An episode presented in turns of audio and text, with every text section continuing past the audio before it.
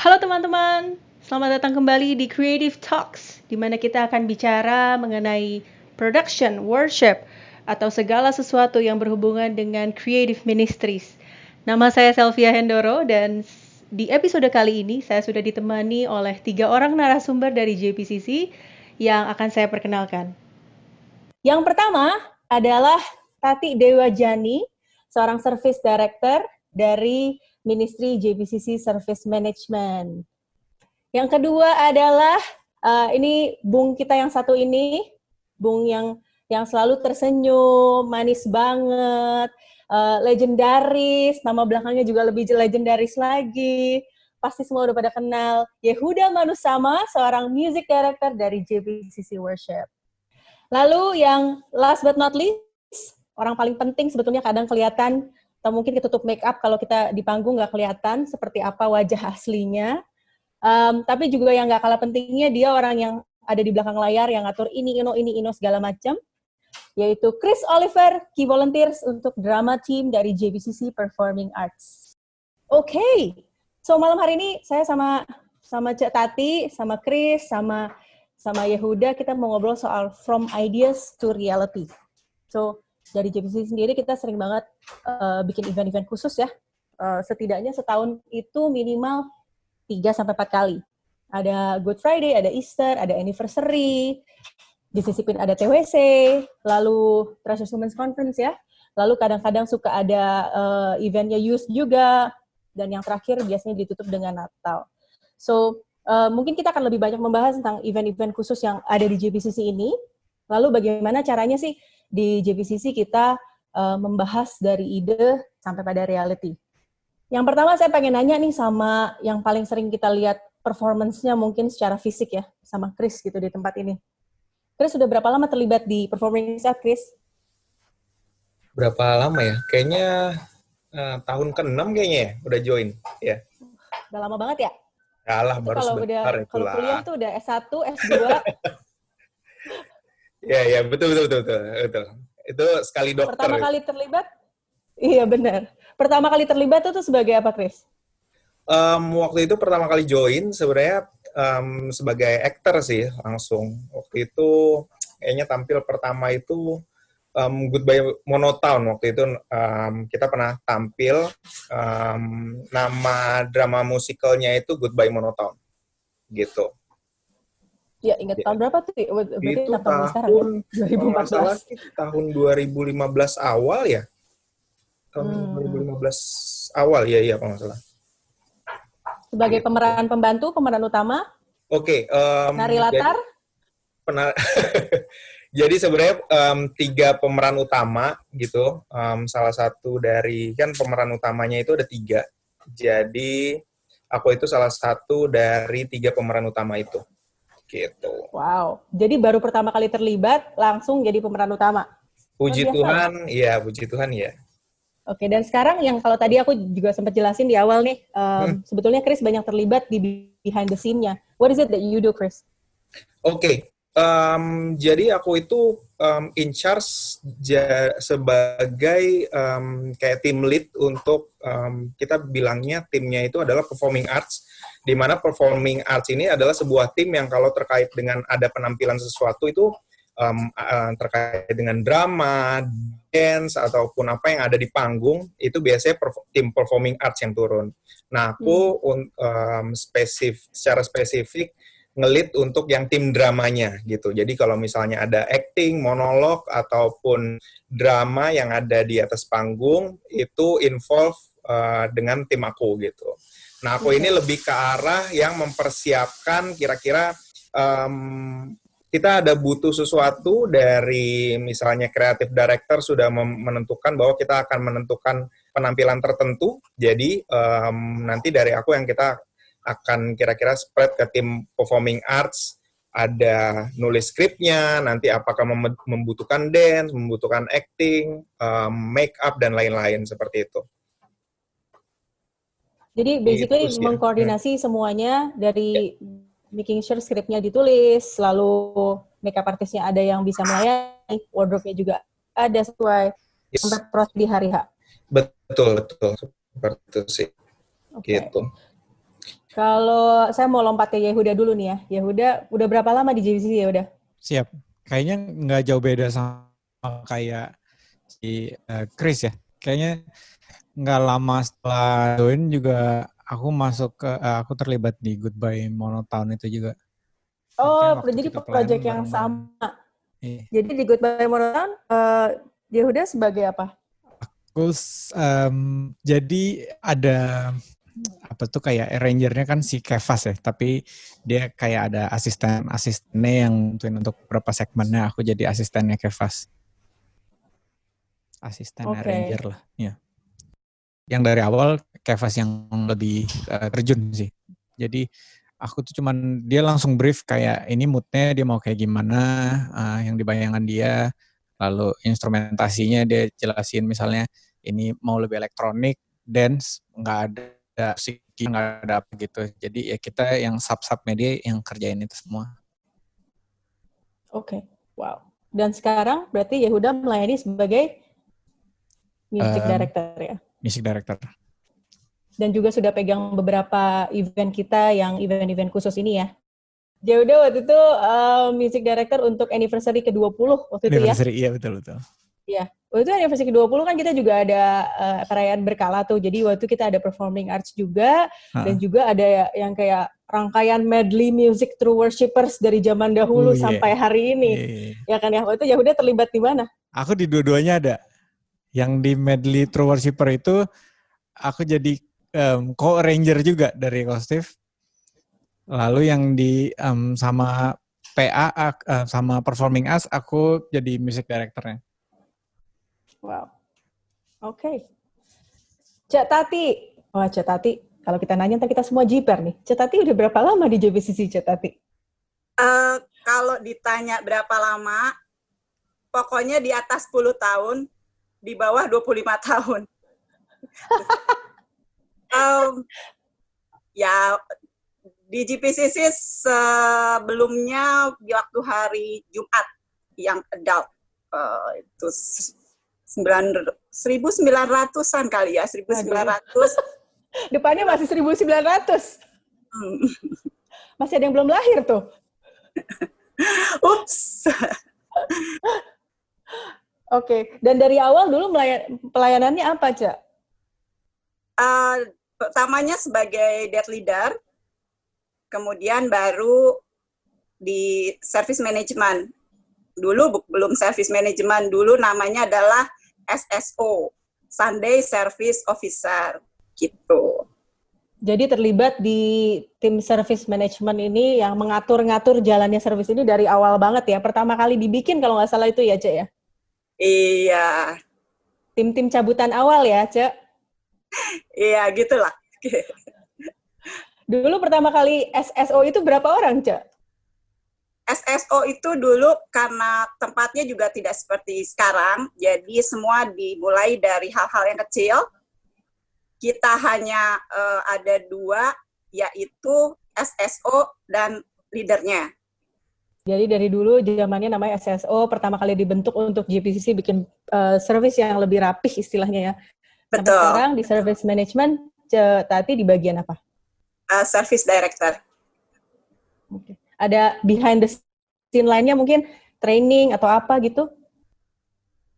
Uh, tentu tadi begitu teknologi semakin maju, kalau awalnya tadi yang cabutan, tetap kita pun harus improve. Jadi apa pun yang dilakukan mulai dirapihkan. Ada yang namanya training, kemudian improvement, sehingga kita terus tumbuh dan tidak berhenti stuck di situ aja merasa sudah bisa, sudah lama, dan berhenti. Enggak, tapi tetap juga kita harus melakukan learning by doing juga ya, dan melakukan juga sih. So, saya mau nanya nih, uh, buat Chris. Chris yang udah terlibat dari pertama kali aktor, lalu sampai sekarang mimpin tim drama.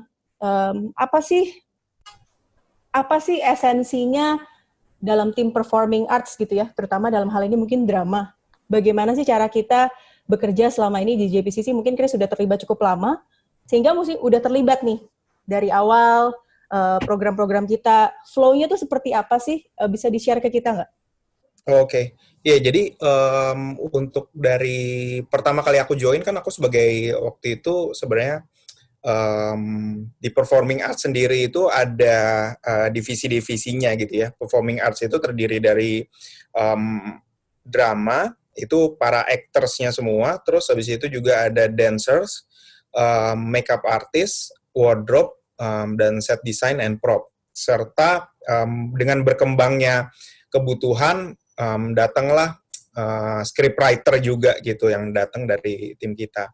Nah, memang pada saat pertama kali kita join itu kan pasti kita mulainya adalah ya beruntung aku bisa bermain di uh, drama musikal yang skala skalanya cukup besar sih pada saat itu ya, um, which is Goodbye Monotown gitu kan. Dan itu pun drama musikalnya itu memang tidak tergabung di dalam sebuah um, service gitu. Nah, jadi dia uh, berdiri sendiri gitu. Nah, itu persiapannya memang cukup besar sih. Kalau kita cuma hanya berkaca dari sudut pandang aktor saja, kita akan hanya seperti istilahnya um, sudah dipersiapkan semuanya di belakang layar gitu. Kita cuma terima, oke okay, ini skripnya harus dihafalkan, kita akan ada jadwal latihannya, JR-nya kapan, um, dan tampil seperti itu uh, as simple as that aja sih gitu. Paling kita cuma hanya perlu latihan gitu kan um, sampai hari H.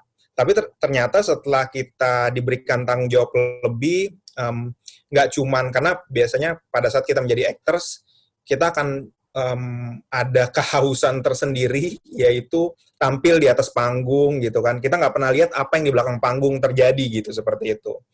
Nah ternyata setelah nggak um, cuman itu um, kita naik level lagi, diberikan tanggung jawab nggak cuma ngurusin di atas panggung, tapi di belakang panggung juga. Ternyata banyak lebih repot lagi yang dipersiapkan pada saat um, di belakang panggung itu gitu dibanding yang kita lihat kita sebagai actors. Ternyata pada saat kita di belakang panggung ada yang dipersiapkan sebelum um, skrip itu jadi itu istilahnya bisa kita um, gambarkan sebagai makanan. Nah sebelum makanan itu jadi pastinya ada resepnya dulu yang perlu dibuat, terus habis itu trial and error, terus habis itu sampai itu disajikan. Nah itu um, prosesnya nggak cukup lebih panjang kalau kita tarik ke belakang. Jadi dari um, creative director pasti akan mengeluarkan sebuah um, visi, kita akan menampilkan apa, kebutuhannya adalah seperti apa, temanya apa gitu. Nah dari tema tersebut um, tim performing arts biasanya bekerja sama dengan nanti ministry lain juga. Itu kita buatkan skripnya dulu berdasarkan arahan kreatif director. Kira-kira temanya seperti ini nih. Um, kita mau angkat um, istilahnya isu atau permasalahannya adalah ini. Oke, kita kita coba brainstorm dengan um, gimana ya cara nampilin sebuah ide kreatif itu nggak cuman yang biasa-biasa aja, tapi relevan sama orang, tapi juga menarik untuk ditonton gitu. Nah dari situ kita um, kita kemas dengan cara seperti apa um, agar relevan dengan zaman sekarang nih, terus habis itu juga menarik untuk ditonton. Setelah itu kita juga melihat juga kira-kira um, mungkin kalau aku um, share dikit, jadi sebenarnya ada yang kita manage itu ada tiga. Pertama itu adalah uh, visionnya seperti apa, apa yang ingin dicapai oleh um, creative director, um, kita mendapatkan arahannya. Lalu kita lihat resource yang kita punya seperti apa. Resource ini bisa dalam arti kata adalah um, si skripnya sendiri, lalu si pemain-pemainnya. Serta nggak um, cuma pemainnya aja, tapi pemain itu pakai baju apa perlu dipikirin. Pemain itu pakai baju apa, menggunakan props apa, perlu dipikirin juga. Skill dari pemain itu seperti apa, kita juga perlu pikirin, sehingga kita bungkus dan juga kita melihat sisi lainnya adalah timelinenya. Berapa waktu yang kita butuhkan untuk sampai um, makanan itu jadi atau ditampilkan, disajikan kepada audiens gitu. Nah itu kita mesti pikirin. Jadi sebenarnya proses di belakang itu adalah tiga ini, yaitu kita lihat visinya apa, kita lihat resource yang kita punya, skripnya seperti apa, kebutuhannya seperti apa, lalu dalam waktu berapa lama.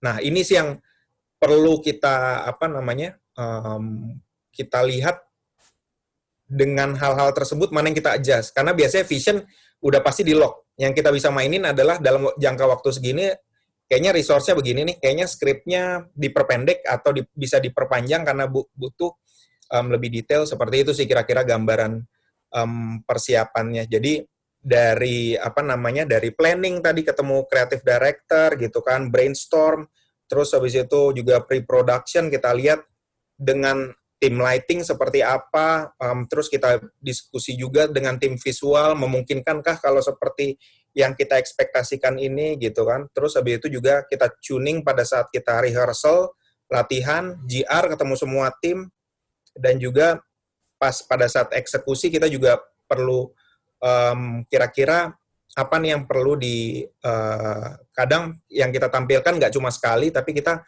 perlu perbaiki terus menerus sih kira-kira seperti itu sih gambarannya untuk untuk apa yang kita persiapkan um, dalam sebuah performance ya gitu. Thank you Chris. Uh, menarik banget tadi Chris bilang bahwa yang tidak boleh berubah itu visi ya. Lalu yeah. ada proses brainstorming gitu. Mungkin yes. boleh di-share lagi nggak sih brainstorming itu maksudnya waktu dari awal kita tuh kita sebutnya kalau di JPCC kick off ya kalau misalnya kick event. Off, yes. Kick off yeah. itu kita berapa lama sih sebelumnya? Oh, Oke. Okay. Iya, jadi um, sebenarnya itu kan pasti kita sudah um, sudah ada timeline dalam setahun kita akan mengadakan apa saja dan kira-kira temanya seperti apa walaupun kita tidak secara detail. Jadi um, sebisa mungkin seawal mungkin adalah um, at least kira-kira tiga bulan sebelumnya. Kalau misalnya skalanya tidak besar, kalau skalanya mungkin cukup besar kayak drama musikal dan masif gitu ya, itu pasti uh, bahkan ada yang persiapannya setahun sebelumnya atau um, lebih dari enam bulan sebelumnya. Nah, tapi kalau misalnya untuk um, skala drama yang kira-kira sekitar 15 menit mungkin ya, um, itu dipersiapkan at least lah setidaknya tiga bulan sebelumnya. Nah, da dari tiga bulan sebelumnya ini kita sudah kick off, um, berarti kan dalam kick off itu sudah ada kira-kira baru temanya deh um, temanya kira kita mau bikin seperti ini nih. Nah, uh, biasanya tim dari performing arts itu ada yang namanya creative innovator, itu bagian yang um, masak resepnya kayak gimana. Dari tadi arahan atau visionnya seperti apa, biasanya kita sudah datang dengan menyambungkan, oke okay, saat ini yang lagi ngetren ini nih di luaran sana. Um, lalu juga um, kira-kira dari tema tersebut kita bisa bungkus seperti ini. Jadi kita sudah datang tidak dengan tangan kosong, kita sudah datang dengan banyak referensi gitu.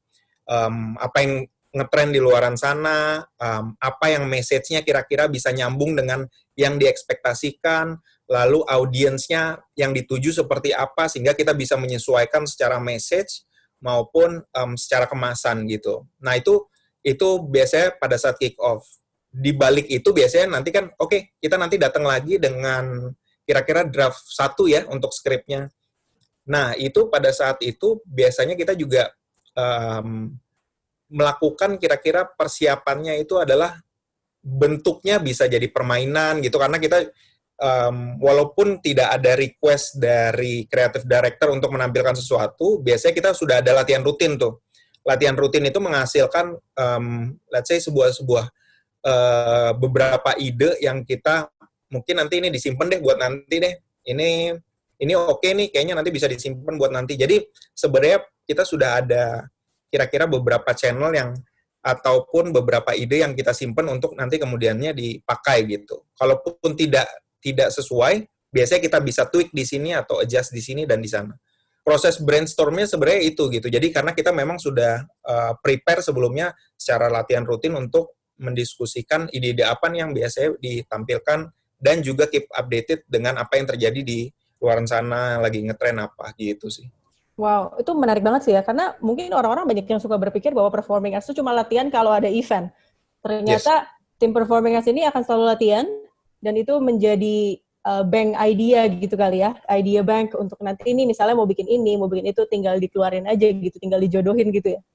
Iya, iya. Jadi um, apa namanya? sebenarnya sih uh, bentuk latihan kita itu kadang nggak selalu dibilang um, yang oke okay, datang jadwal latihan seperti ini. Kadang kita um, huddle pun itu bentuk latihan kita karena biasanya gitu di situ keluarlah sebuah ide sesuatu yang kira-kira dari sebuah bercandaan ternyata oh ini kalau ditampilin kayak seru juga ya. Karena bagaimana kita bisa membuat orang mena, apa namanya um, tertarik untuk menonton. Kalau kita sendiri kita nggak tertarik atau kita membuat sesuatu bahan yang lucu tapi kita sendiri nggak ketawa gitu. Jadi hmm. itu bermula dari kita dulu sih gitu. Jadi bagaimana oh ini kayaknya yang lucu nih. Tapi pada saat kita coba ke beberapa orang ternyata nggak segitu lucunya. Mungkin itu um, kadang kita bercanda in, internal jokes gitu itu muncul um, dan itu tidak workout itu bisa juga. Jadi banyak trial and errornya juga yang perlu dilakukan sih gitu. Ya, thank you Chris, thank you. Mm -hmm. Nah tadi uh, Yehuda nih, saya mau lompat ke Yehuda sedikit. Yehuda tadi sempat bilang bahwa ternyata sama-sama pelayanan pertamanya itu sama-sama goodbye monoton ya sama si Chris gitu. Um, mungkin juga boleh di-share kali ya kalau misalnya sebagai co-arranger, apa sih bedanya co-arranger, apa sih apa sih direct music director gitu? Apa sih proses yang di go through terutama kalau kita mau bikin event-event yang uh, ada kolaborasinya? Contohnya seperti ini, misalnya ada musical uh, sehingga perlu ada musisi yang bikin musiknya dan bikin arrangementnya. Kalau yang uh, dibikin music director tuh um, pertama dia harus tangkap ide dari sebetulnya urutannya sama kayak yang Chris bagi tadi. Dia mesti dapetin ide dari produsernya, kreatif directornya, um, mereka harus dapat lah kira-kira um, bayangan yang dia mau tuh apa uh, atmosfernya apa gitu. Lalu um, kedua ya mesti tahu timnya gitu ya. Ada dua kondisi nih. Um, kita bisa libatin siapa aja yang menurut kita cocok dengan konsepnya, visionnya, atau um, situasi kedua um, kita udah terima uh, yang di apa kayak dijadwalkan gitu. Jadi siapa aja yang terlibat kita harus bisa terima lah. Memaksimalkan yang terlibat gitu. Nah, yang ketiga kayak yang Chris bilang tadi, seberapa seberapa lama waktu kita buat preparation, persiapan. Jadi itu menentukan um, pre-productionnya juga kayak misalnya um, berarti misalnya kita cuma punya tiga um, minggu sampai empat minggu ya berarti uh, perlu dua minggu untuk tektokan sama yang tulis skrip bikin musik semua itu pasti padat banget. Terus minggu kedua pengenalan sama musisi lagunya gimana. Nah di pengenalan itu juga kita nggak bisa datang kan kayak langsung oh jadi lagunya kayak gini kita nyanyiin gitu kan ya orang um, buang waktu gitu ya. Jadi itu si music director tuh perlu um, menulis semuanya supaya begitu kita coba semua cuman baca lalu um, bisa pas bunyi bareng-bareng tuh mereka kira-kira ngerti lah kira-kira arahnya mau ke mana. Lalu proses yang penting lagi yang keempat buat saya tuh fleksibel. Itu musik director harus fleksibel banget. Kadang ada juga um, tiba-tiba kita udah main, um, misalnya di hari H gitu ya, kebaktian satu kayaknya nggak um, bisa gini ya gitu. Nah ya kita mesti bisa fleksibel lah. Itu yang harus musik director harus kuasai lah. Nah kalau co-arranger lebih simpel.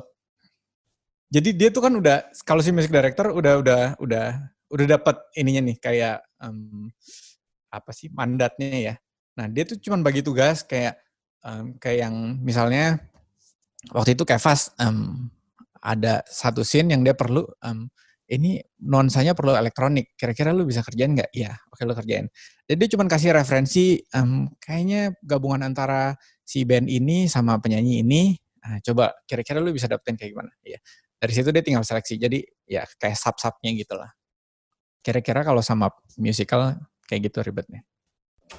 Sebetulnya tadi menarik ya. Ya udah hmm. uh, kasih tahu bahwa Berarti kalau si music director dia harus bikin semuanya.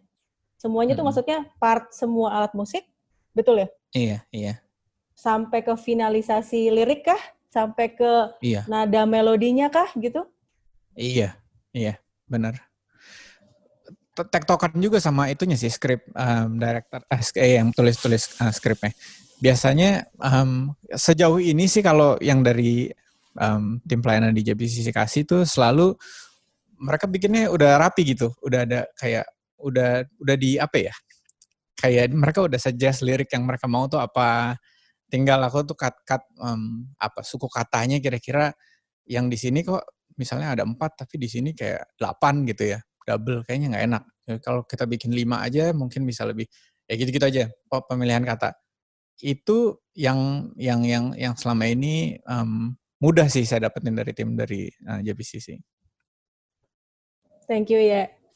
Nah ini sekarang saya mau tanya Mbak Tati nih. Kalau tadi Chris sempat mention bahwa tim performing itu kadang-kadang tidak melayani hanya satu kali ibadah ya. Jadi uh, dari ibadah pertama dan ibadah kedua tuh mungkin ada perubahan nih karena ada sesuatu yang perlu diperbaiki.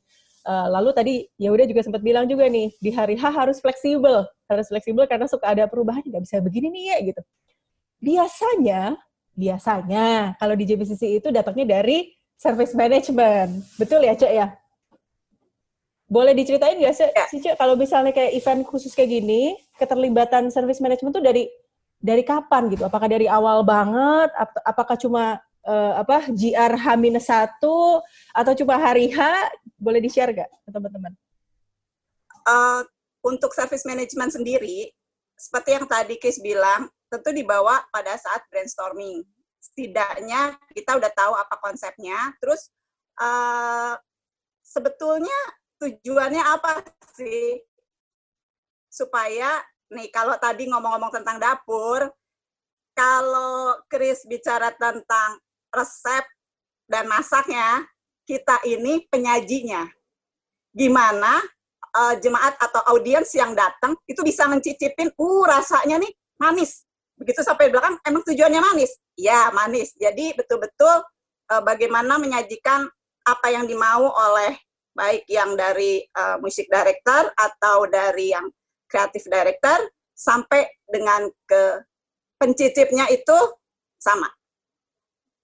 Berarti service manage service management volunteer yang melayani uh, misalnya tiga bulan kemudian gitu ya. Kalau tadi kan Chris bilang kick off-nya minimal tiga bulan kemudian. Berarti tiga bulan sebelumnya itu pun sudah tahu jadwalnya dong? Betul. Jadi kalau untuk yang uh, tadi kalau untuk yang acara yang besar kan bisa satu tahun sebelumnya. Nah itu ada preparation.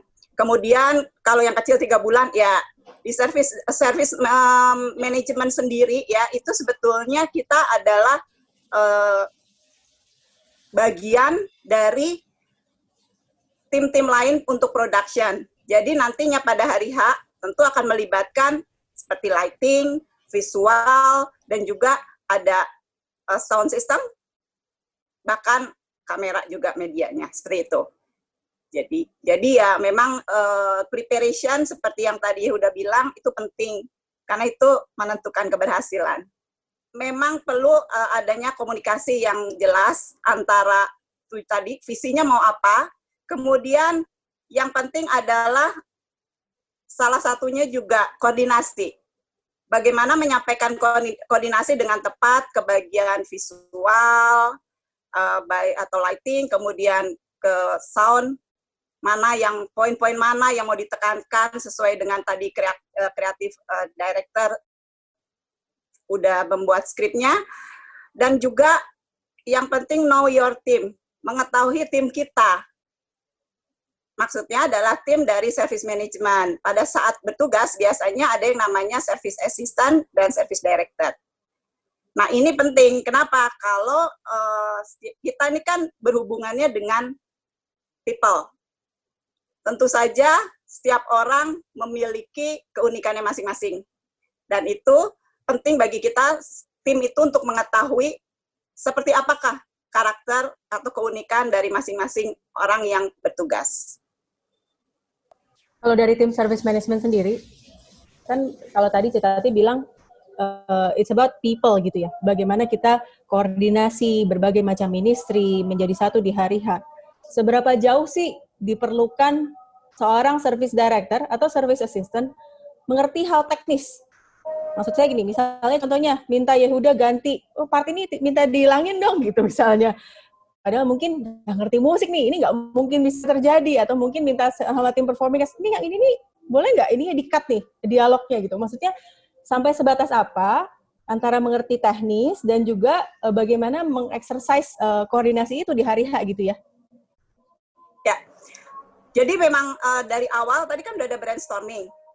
Sebagai service director yang paling penting adalah memastikan untuk mengerti dulu apa sih yang mau dimauin. Jadi ada yang prinsip yang betul-betul ini tuh harus sampai, ini nggak boleh kalau di-cut dan sebagainya seperti itu. Kemudian mengerti flow-nya, sehingga tahu. Dan yang juga yang perlu adalah memiliki rasa sensitif. Sama tentunya, kita juga tahu harus prioritas mana sih. Jadi seperti yang mau di-cut, yang mana, tiba-tiba yang di-cut adalah yang penting. So, message-nya nggak akan sampai kepada uh, audiens atau jemaat seperti itu. Malahan ada bingung nanti yang nontonnya. Thank you, Ja. Mau nanya sama Chris lagi nih, Chris. Kalau tadi uh, Chris sempat bilang, yang penting itu sebetulnya visi, lalu tahu resources-nya, dan juga timeline ya. Pernah nggak sih bagi pengalaman nih mungkin nih Chris? Visinya jelas banget, tapi resources-nya nggak cukup atau nggak kebur, nggak ada gitu. Apakah resources orang yang nggak ada atau nggak ada budgetnya, sudah di plan-plan ternyata tidak tidak ada budgetnya. Lalu apa sih yang dilakukan untuk bisa terus mencapai visi yang mau dituju bersama? Pertanyaan yang bagus sekali. Um, semoga jawabannya juga. Iya, yang pertama dilakukan adalah kita biasanya uh, berkumpul dan berdoa untuk mendapatkan jawaban. Cuman gini, jadi biasanya um, kita itu pada saat ngadepin, oke, okay, jarang sekali kita punya kondisi ideal sih sebenarnya. Oke, okay, pasti um, vision yang ingin dituju adalah bersifat baik, um, percaya, percaya pasti tujuannya adalah baik. Jadi kita mesti pegang itu dulu gitu kan. Nah, um, kadang kalau misalnya resource-nya tidak uh, memungkinkan, um, itu biasanya kita, oke, okay, uh, memerlukan kita diskusi juga sama creative director, kira-kira um, kondisi kita kayak gini nih. Jadi mana yang biasanya bisa di um, apa namanya bisa diakomodir, mana yang tidak bisa diakomodir seperti itu. Itu juga um, biasanya kita perlu diskusi bolak-balik juga seperti itu kan. Nah, Terus habis itu juga um, dalam dengan kondisi seperti itu biasanya kita juga sharing soal oke okay, um, kalau misalnya dibutuhkan atau yang ingin dicapai adalah A, kita bi, um, kita mesti berinisiatif atau memberikan uh, beberapa option. Kadang um, yang ingin dicapai adalah uh, big performance misalnya. Oke, okay, big performance bisa dicapai dengan misalnya orang orang yang sedikit, tapi kita bisa besarkan secara visual misalnya. Kita lebih arahkan ke layar, kita kasih LED, lighting, dan lain-lain. Nah, itu kan kita perlu komunikasi dengan ministry um, yang lain gitu, yaitu um, dengan tim lighting, dengan tim visual, dan yang mendesain semua seperti itu. Atau kita, oh pengennya um, lebih festif, uh, ramai gitu kan. Oh, kalau gitu um, resource kita kebetulan kurang orang nih, um, kita biasanya bridging ke, kembali kepada orang lain. Jadi um, hal kayak gitu biasanya tidak di keep sendiri, tapi mesti dikomunikasikan juga kondisi seperti apa. Um, lalu oh kita biasanya kita pasti akan bicarakan dengan oh kita butuh support yang ini, kita butuh support yang ini gitu. Nah itu akan terjadi kalau nggak semua kita ambil tanggung jawabnya. Oh ini tanggung jawab saya, ini tanggung jawab tim performing arts harus ambil semua. Nggak bisa begitu sih karena kadang kita percaya bahwa pelayanan ini bukan kita doang gitu. Um, pelayanan ini bukan kita mau tampil, bukan kita mau um, bagaimana, tapi yang ingin dicapai adalah visinya. Sehingga kita mesti dikomunikasikan dan kita mesti lebih inklusif dengan tim yang lain juga gitu. Karena kita juga percaya bahwa kalau tim yang lain um, kita mengalami seperti itu, tim yang lain juga kemungkinan mengalami seperti itu. Jadi kita juga perlu tahu juga oh di sana seperti apa kekurangan apa um, tadi misalnya oke okay, kita mau um, gede tapi lightingnya nggak cukup misalnya kita pernah juga menampilkan soalnya misalnya yang terkait dengan monolog gitu. Jadi ingin yang lebih um, menyentuh um, tapi tidak melalui um, dengan acting drama um, yang membutuhkan dialog. Tapi kita hanya butuh satu orang satu orang aktor sebagai orang yang um, menampilkan monolog, tapi kita butuh tim lighting dan lain-lain. Itu perlu dikomunikasikan. Oh kita butuh lighting di sini, butuh lighting di sini. Oh ternyata tidak cukup nih lightingnya karena budgetnya tidak cukup, misalnya seperti itu ya. Itu juga kita biasanya oke okay deh kita adjust actingnya tidak sampai situ, kita arahkan ke bagian yang lain gitu. Jadi kalau seperti itu kita um, yang penting benar sih kata kata Tati tadi lebih ke arah mungkin kita mesti tahu resource kita orang-orangnya kayak gimana kita komunikasikan seperti itu dan juga kita mesti pinter-pinter komunikasi kepada ministry lain karena mungkin sama tim kita aja kita akan lebih mudah berkomunikasi karena kita stylenya sama. Tapi dengan tim lain kita stylenya mungkin berbeda cara kerja mereka berbeda dengan kita gitu. Tim performing arts biasanya karena orang-orang kreatif eh, kebanyakan i kebanyakan bercanda tim yang lain kita ajak bercanda mungkin aja belum tentu mereka bisa terima gitu misalnya. Ini kenapa serius banget ya gitu-gitu. Sedangkan mereka ini kenapa orang ini bercanda banget ya gitu ya. Orang lagi serius gitu misalnya kayak gitu. Jadi um, menurut aku selama itu dikomunikasikan sih um, pasti biasanya kejawab sih gitu permasalahannya dari yang tadi kita kurang orang misalnya ataupun kurang budget dan lain-lain um, waktu uh, pendek yang penting sih komunikasi tetap terjaga sih gitu Uh, iya, gue suka banget deh. Tadi Chris bilang uh, tidak mengambil beban bahwa ini tuh kayak in, punya kita sendiri gitu ya. Sebetulnya ini kerjasama gitu sama bagian-bagian hmm. lain gitu. Bukan berarti hmm. cuma masalah kita sendiri aja nih gitu istilahnya. Lalu kita hmm. share kalau emang resourcesnya nggak ada, kita komunikasiin balik, kita lempar balik ke table istilahnya gitu ya. Yeah, itu yang yeah. terjadi. Jadi most probably itu selalu terjadi betul di setiap event karena tidak mungkin kita punya resources yang ideal. Betul. Betul, Mbak. Saya mau nanya ke Yahuda dong. Yahuda kalau tadi sempat bilang, kadang-kadang nih dijadwalin, kadang-kadang dijadwalin, nggak kenal, nggak tahu-tahu banget gitu ya. Lalu kan semua musisi rata-rata di JPCC lah setidaknya uh, dalam kasus ini. Pasti biasanya mereka pasti sudah main musik, some of them professionals gitu ya, emang mereka musisi di luar sana. Mereka kan punya pasti punya style sendiri, gaya sendiri, idealisme sendiri. Kayak Yahuda juga pasti punya idealisme sendiri. Nah, terus itu gimana nyatuinnya? Kalau misalnya tadi banyak kok ranger kok ranger yang lain gitu. Ntar ada nggak ini gayanya yang gaya gayanya sih nonjol banget nih gitu. Kan apakah sering kita kayak oh ini Yahuda banget nih gaya kayak gini nih musik kayak gini Yahuda banget. Itu sesuatu yang kita mau achieve Yahuda banget nih gitu atau sesuatu yang kita hindari justru?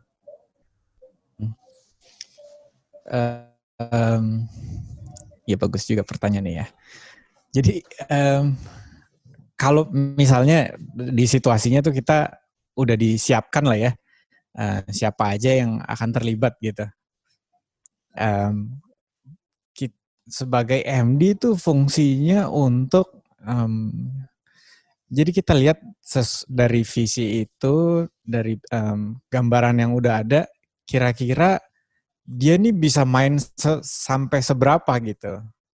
Atau apa yang perlu kita fasilitasi supaya dia bisa main sesuai apa yang ada di gambaran kita gitu. Misalnya kayak sebetulnya dia um, contoh nih pemain bass atau atau pemain drum. Misalnya untuk beat tertentu kayaknya yang cepet-cepet atau tiba-tiba kalau um, dari musikal maunya kayak ini musiknya ada parade, pengennya uh, samba gitu-gitu. Nah, kita lihat kalau pemain drumnya kayaknya struggle nih, dia rock garis keras gitu. Ya udah, mungkin lu mainin kicknya aja, dek, dek. Nah, nanti sisanya coba kita program atau gimana lah gitu. Itu kondisi yang um, perlu dibiasakan oleh MD kalau ya dalam layani gitulah harus harus harus harus mengingat kepentingan siapa yang kita layani. Jangan mau maunya kita doang. Demikian.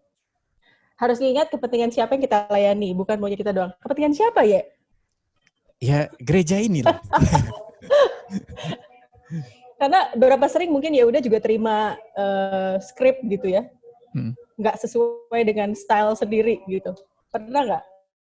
Aduh ini gue nggak suka banget nih musik kayak begini, ini gimana cara bikinnya ya gitu? Enggak sih sejauh ini nggak nggak pernah karena dari dulu kerjaan juga um, berbagai jenis musik tuh kayak mau dari dangdut juga pernah dikerjain sampai apa jadi ya semua juga disikat sih nggak ada yang kayak oh gue nggak suka stylenya gitu kalau gitu apakah itu resep menjadi seorang music director nggak boleh punya preference nggak boleh punya uh, style yang terlalu kenceng gitu harus hmm. bisa embracing semuanya to be a good music director supaya kita nih flow-nya hmm. tetap selalu sama nih gitu. Maksudnya supaya tujuan kita tercapai.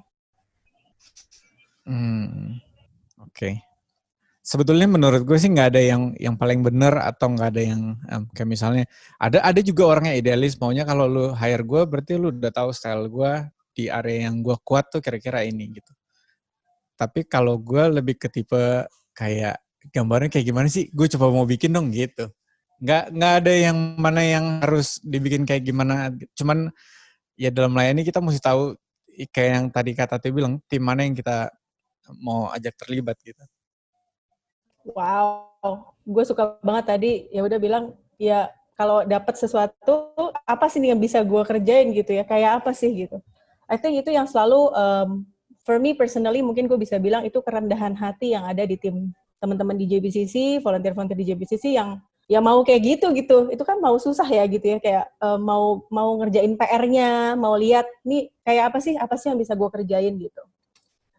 Nah, gue mau nanya sama Cetati nih kita kalau di event khusus biasanya biasanya pasti ada uh, wow factor gitu. Kita sebutnya wow factor ya cek ya. Kadang suka ada konfeti ada surprise gitu. Pastor kita kita surprisein kita surprisein juga gitu. Itu gimana koordinasinya cek? Apakah ada di rundown dari awal semua udah disuruh berjanji tidak boleh share ke siapa-siapa Terus kalau konfeti setiap ibadah tuh gimana cara bersihinnya, Ce? Gitu. Coba boleh sharing nggak pengalaman Cetati di service management nih? Um, nah, ini balik lagi ke yang tadi Chris bilang, resource-nya. Kalau resource-nya nggak cukup gimana?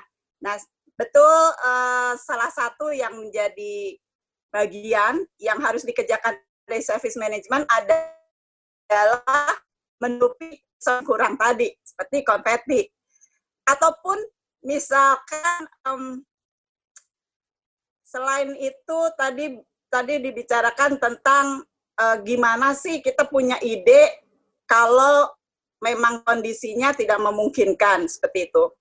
Masalah konverti atau masalah hal-hal yang waktu itu kami juga mengikuti satu event ada pasang uh, curtain pasang layar yang jatuh pada saat uh, momen tertentu. Nah, itu juga service management memasang itu dan memang harus precisely atau tepat sekali pada saat lagu ini. Nah, itu koordinasinya seperti yang Yehuda bilang dengan tim uh, musik, dengan tim lighting dan visualnya. Jadi benar atmosfernya itu berasa banget. Nah, itu satu hal yang tidak terduga. Ataupun ada surprise-surprise uh, untuk tester kita atau untuk apa pun acara memang itu koordinasinya selama ini kita menggunakan teknologi kalau dari segi uh, untuk komunikasi. Tapi yang penting adalah yang Yehuda bilang tadi bahwa setiap bagian itu tentu penting. Tapi kolaborasi itulah yang bisa menghasilkan. Contohnya nih, mau memberikan surprise, tapi lupa kasih tahu ke orang tim musik nanti begitu ini dipanggil langsung ya ada musiknya Kemudian kamera, tolong sorot. Ah, sorot kepada orang yang akan kita beri surprise. Bayangkan tuh teman-teman, kalau itu lupa, jreng, udah maju dengan membawa uh, surprise gitu. Deng, deng, musik kagak ada, layar maksudnya kamera, fokusnya ke kita. Wah, salah ini. Nah, jadi memang tadi bahwa kolaborasi antar bagian itulah yang bisa menghasilkan sesuatu yang luar biasa surprise bisa ataupun hal-hal yang membuat orang bisa wah kok bisa ya ini dilakukan? Ada behind scene-nya yang meski kita extra mile sih. But it's worth it. That's interesting ya. Kita seru-seruan ya. Jadi kita biasanya bahkan punya dua rundown. Yang satu rundown ada surprise-nya satu rundown nggak ada surprise-nya.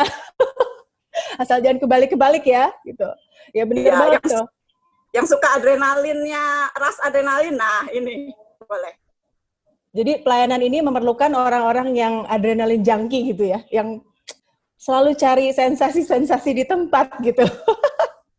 nah, tadi jadi ingat sekali dengan Chris bilang bahwa uh, mungkin Chris uh, karena orang art itu kebanyakan adalah orang yang influence, yang uh, begitu outspoken, apa adanya langsung ngomong. Sementara kalau service management lebih ke detail, ya dan inilah yang yang unik banget kenapa uh, tadi ditekankan untuk know your team karena pasti akan ada glitch kalau tidak tepat.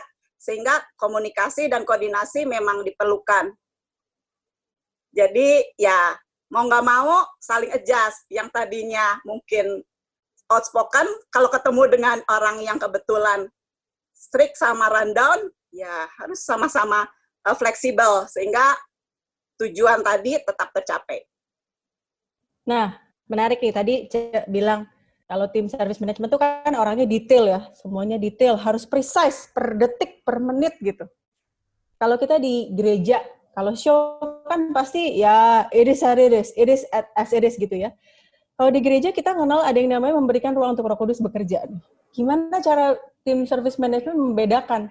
Ini kayaknya emang yang ini ya udah biarin aja karena ini memberikan ruang untuk Roh Kudus bekerja. Of course kita selalu mau memberikan itu ya, kita memberikan yang terbaik, tapi kita kita pasti mau allow itu.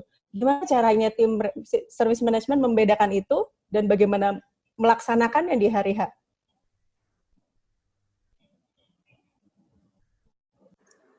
Biasanya memang sudah ada rundown-nya, tapi tetap betul seperti uh, Selfie bilang bahwa uh, kita kita um, harus intinya gini, kita tetap harus memberi ruang bahwa mengosongkan diri untuk sesuatu yang besar itu terjadi. Tadi surprise-surprise. Nah, yang bisa dilakukan untuk uh, bagi service management adalah melihat apakah kita stick dengan rundown atau kita melihat tadi penyajiannya, tujuannya, visinya apa. Tentu visinya adalah membawa jemaat bertemu dengan hadirat Tuhan. Jadi itu yang lebih penting. Bagaimana eksekusinya atau keputusannya, nah itu biasanya koordinasi antara uh, service management dengan tim-tim yang ada di hari itu. So jadi memang walaupun kita strict dengan uh, rundown dengan dengan deadline itu pasti ada ada ruang lah ya istilahnya ya, untuk kita membiarkan hal itu terjadi jadi ya. Kalau di dalam drama pernah nggak merasa tergerak nih kayaknya Roh Kudus ngomong kayak gini kita harus bicara gitu. itu kayak kelasnya bahasa Inggris itu ya. Oke, okay. kayaknya Roh Kudus merasa gue berasa terus yeah. ngomong kayak gini nih. kayak nggak mau keluar dari panggung deh gitu. enggak enggak. Jadi um, kalau uh, sebenarnya hampir sama ya kalau misalnya um, dari tim SM tadi adalah stick to the rundown gitu ya. Kalau kita kan stick to the script biasanya. Nah, kadang ada bagian-bagian tertentu yang um, dibilang kita itu harus harus uh, memberikan ruang kepada Roh Kudus untuk bekerja. Yes, um, percaya banget totally itu gitu karena itu yang memaksimalkan um, our performance gitu. Karena sebagus apa pun kita, tapi kalau Roh Kudus tidak bekerja, tidak uh, menjamah setiap audiensnya, apa yang kita tampilkan akan menjadi sia-sia gitu kan. Nah, tapi um, kita perlu tahu bahwa kita harus melakukan bagian kita yang sudah dipercayakan kepada kita gitu. Jadi soal um, skrip gitu ya, hafal dengan sebaik-baiknya. Um, terus abis itu juga kita nggak hanya cuma karena kalau jadi seorang aktor itu kita nggak cuma harus ngafalin bagian kita doang dialog kita tapi kita mesti ngafalin dialog orang juga. Kenapa? In case orang itu lupa kita bisa tahu gitu untuk um, kita kasih pancingan agar orang itu bisa um, melanjutkan dialognya. Kadang seperti itu. Nah kalau kita tidak um, doing extra mile seperti itu ah ini bagian wah dia lupa ha, the whole performance termasuk yang bukan aktornya juga itu jadi um, apa namanya pasti uh, penampilan itu tidak maksimal jadinya gitu. Walaupun bagian seseorang itu excellent banget gitu, nyanyinya bagus banget misalnya atau apa. Tapi gara-gara uh, nilas titik itu jadinya um, orang yang tadinya mungkin sudah mulai um, karena kan kita membawa um, istilahnya audiens ini kepada sebuah journey gitu ya di dalam sebuah penampilan kita. Nah, orang yang tadinya sudah mungkin sudah masih sudah mau memuncak atau biasanya kita bilang sudah mau apa namanya titik klimaksnya gitu ya dari sebuah cerita jadi malah anti klimaks dan turun dan dia tidak menambahkan pesan yang seharusnya dia dapatkan. Nah, itu sih yang kadang karena kita nggak maksimal itu yang membuat um, apa uh, jadinya tidak uh, Roh Kudus tidak bekerja gitu. Nah, menurut aku makanya justru biasanya kita ingatkan kepada semua um, nggak hanya pemain tapi orang yang bekerja di belakang panggung itu agar yes kita biarkan Roh Kudus bekerja, tapi kita melakukan bagian kita juga. Jangan kita kayak buang bagian kita yang harusnya kita kerjain, tapi kita suruh Roh Kudus yang bekerja gitu.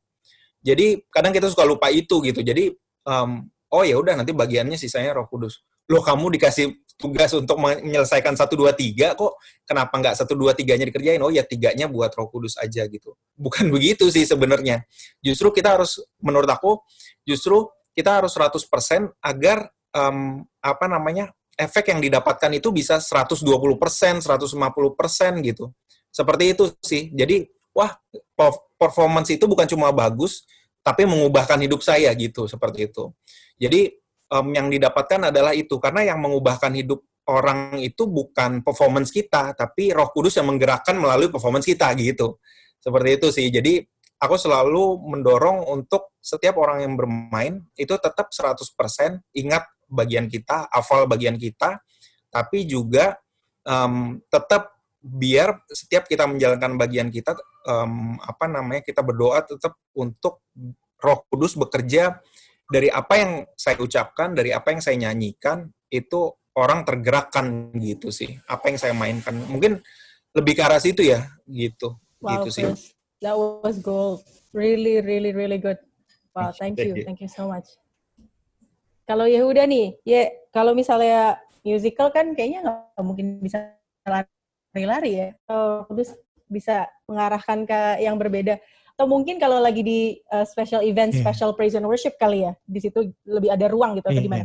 Bisa aja misalnya um, dari pastornya juga oke okay untuk kita nyanyiin um, bagian tertentu lagi gitu ya selalu terbuka aja sih selalu uh, gue selalu liatin WL maksudnya walaupun misalnya udah udah ditulisin partnya tapi kalau misalnya dia tiba-tiba mau ngulang strategi ya kita coba fasilitasi apa yang dia mau bawa jemaat ini pergi gitu loh.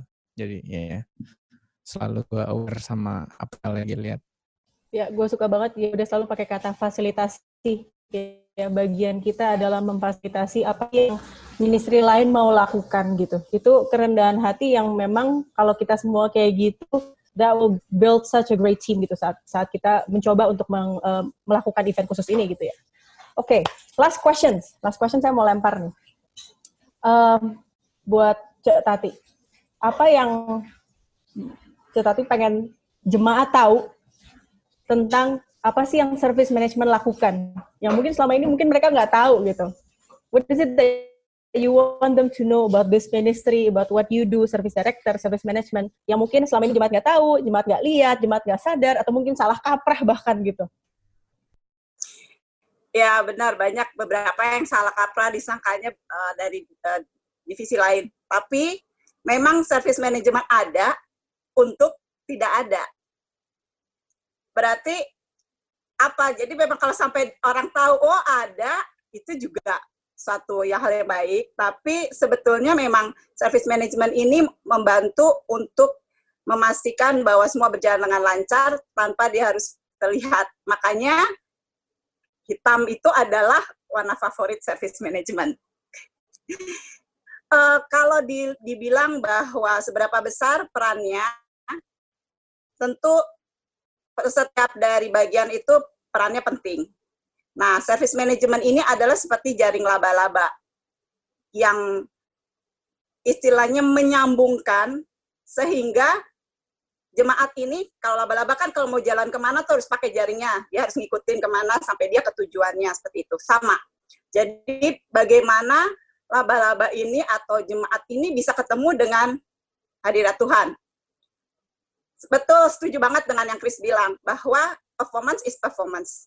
Service management bisa menyediakan, tapi yang penting adalah setelah itu. Setelah itu jemaat apa, apa yang dirasakan uh, dengan performance itu? Apakah hanya just like a uh, performance biasa atau dia mendapatkan saya menemukan ada Tuhan yang yang selama ini hilang. Atau bahkan dia merasa bahwa terpanggil untuk saya udah merasakan hadirat Tuhan lama, tapi saya terpanggil untuk mengembalikan apa yang Tuhan telah lakukan pada saya. Mulai dari situ keputusannya dia mungkin terlibat atau dia untuk memikirkan hal lain. Jadi kalau dibilang seberapa besar perannya, setiap peran itu memiliki uh, kepentingannya masing-masing, tapi tujuannya tetap sama. I love it. Jadi ada untuk supaya ada gitu ya. Ingat jadi jadi ingat bahwa one of our uh, tujuan our win dari JPCC kreatif adalah supaya kita membantu jemaat mereka merasakan experience Jesus gitu. Mungkin apa yang kita sajikan tuh dengan sesuatu yang terlihat dengan musik yang bisa didengar, tapi sebetulnya yang kita aim adalah supaya mereka merasakan sesuatu yang tidak bisa kita lihat, bahkan the presence of God itu sendiri gitu ya. Experience Jesus dengan melalui apa yang kita lakukan. Dari Chris, apa Chris? What is it that you want people to know tentang this ministry? Jadi mungkin orang melihat bahwa pelayanan performing arts itu adalah um, pelayanan yang yang menampilkan atau kalau saya ingin tampil saya pelayanan di performing arts gitu. Tapi nggak nggak selamanya performing arts itu adalah um, orang yang tampil gitu. Karena ada kalanya kita itu justru bekerjanya itu di belakang panggung gitu. Jadi kita yang seperti bilang seperti Yehuda tadi bilang mungkin memfasilitasi ada kalanya kita juga memfasilitasi yang bukan bukan kita yang tampil, tapi orang lain yang tampil gitu. Kita me, uh, istilahnya ada ada waktu itu kita membuat se, sebuah performance itu adalah performance-nya bukan menunjukkan kita, tapi menunjukkan orang-orang yang pelayanan di belakang panggung gitu. Um, jadi um, tujuannya itu adalah sebenarnya kalau misalnya orang ada orang yang I love creative ministry misalnya, saya suka dengan proses kreatif saya suka membuat sesuatu tapi saya nggak suka tampil gitu. Ada juga yang sebenarnya datang ke kita untuk saya hanya di belakang panggung aja deh gitu. Saya suka nulis skrip gitu. Atau bahkan saya um, apa namanya saya suka nih mengkreasikan sesuatu saya suka menjadi produser atau um, membuat sesuatu ya.